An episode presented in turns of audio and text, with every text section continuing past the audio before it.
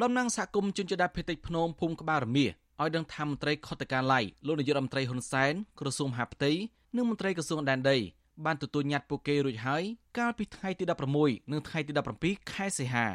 ប្រជាសហគមន៍ប្រកាសចំហថានឹងស៊ូស្លាប់មិនអនុញ្ញាតឲ្យអាជ្ញាធរររើផ្ទះសម្បែងនិងទ្រព្យសម្បត្តិដែលលេចក្នុងទឹកជាដាច់ខាតព្រោះប៉ះពាល់ដល់អត្តសញ្ញាណប្រពៃណី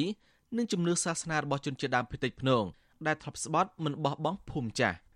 ប្រធានសហគមន៍ភូមិក្បាលរមៀសលោកស្រីស្រាំងឡាញ់បានប្រាប់វិទ្យុអាស៊ីសេរីថាទោះបីជាផ្ទះសម្បែងអ្នកភូមិជាង40ខ្នងលេខទឹកជាង4ឆ្នាំហើយក្តីក៏ពួកគាត់នៅតែស្នាក់អាស្រ័យហើយប្រតិបត្តិពិធីបន់ស្រន់បែបជនជាតិដើមភាគតិចដោយពំបោះបង់ចោលនោះទេហេតុនេះទើបពួកគាត់ចង់រក្សាផ្ទះនោះទុកឲ្យបានគង់វង្សលោកស្រីថាក្រៅពីការទៀមទាអាញាធិបបញ្ឈប់គម្រោងរើរើផ្ទះរបស់ពួកគាត់អ្នកភូមិក៏អំពាវនាវឲ្យលោកនាយករដ្ឋមន្ត្រីហ៊ុនសែននិងក្រសួងពាក់ព័ន្ធ ពន្លឿនចុះបញ្ជីដីព្រៃសហគមន៍ទំហំ7000ហិកតាដើម្បីរក្សាព្រៃដែលជាចម្រុះសត្វព្រៃឲ្យបានគង់វង្សផងដែរ។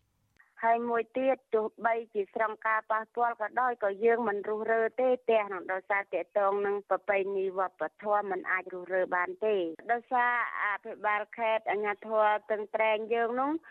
សហគមន៍យើងឡើងតែដាក់ញត្តិ3ដងហើយគ្មានការឆ្លើយតបពិភាក្សាជាមួយសហគមន៍ទេរហូតដល់តែមែនគង់មកលេងដល់ផ្ទះខ្ញុំបានទាំងសួររឿងញត្តិរឿងលិខិតដាក់នឹងមែនគង់ឆ្លើយថាអត់ឃើញ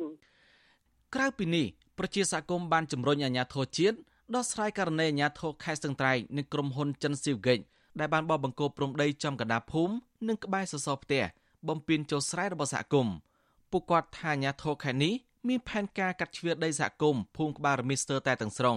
ដើម្បីវិនិយោគឲ្យក្រុមហ៊ុនឯកជនកាប់បំផ្លាញព្រៃឈើនិងបំផ្លាញកន្លែងអាស្រ័យផលដ៏សំខាន់របស់សហគមន៍នៅតំបន់នោះ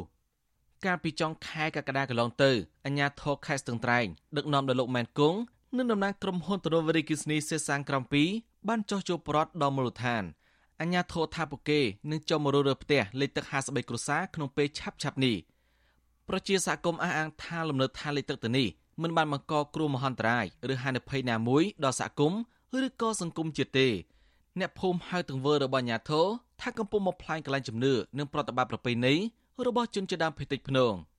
ឆ្លើយតបទៅនឹងការលើកឡើងនេះអ្នកនាំពាក្យសាលាខេត្តស្ទឹងត្រែងលោកម៉ែតគង់ បកស្រាយថាសកម្មភាពរੂរើផ្ទះលេខទឹកនេះគឺពុំមានផលប៉ះពាល់អ្វីនោះទេ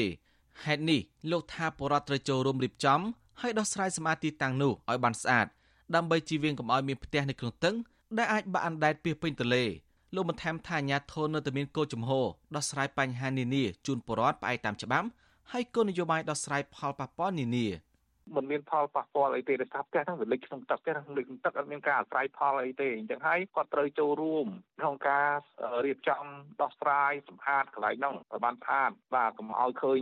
មានបញ្ហាផ្ទះនៅក្នុងទឹកក្នុងអីឬក៏ផ្ទះនឹងបាក់ទៅវាហូរអណ្ដែតចេញប្រងព្រាតគឺអាជ្ញាធរនៅតែមានគោលចំហធ្វើការពិភាក្សាដោះស្រាយរកដំណោះស្រាយណាដែលអាចរកផ្លូវចេញជាមួយពួកគាត់ដោះស្រាយបានថានេះទទួលយកបានទាំងអស់គ្នា ទោះបីជាយ៉ាងនេះក្តីអគ្គលេខាធិការសម្ព័ន្ធជនជាតិភាគតិចកម្ពុជាលោកខុនលូរងយល់ថាអាញាធរគួរតែពិភាក្សាឲ្យគ្រប់ការសម្រេចចិត្តរបស់ប្រជាសហគមន៍ដោយសារជនជាតិភាគតិចមានជំនឿនិងអត្តសញ្ញាណជាច្រើនដែលពាក់ព័ន្ធនឹងផ្ទះសម្បែងនិងទ្រព្យសម្បត្តិដែលអាញាធរក្រុងរុះរើនោះ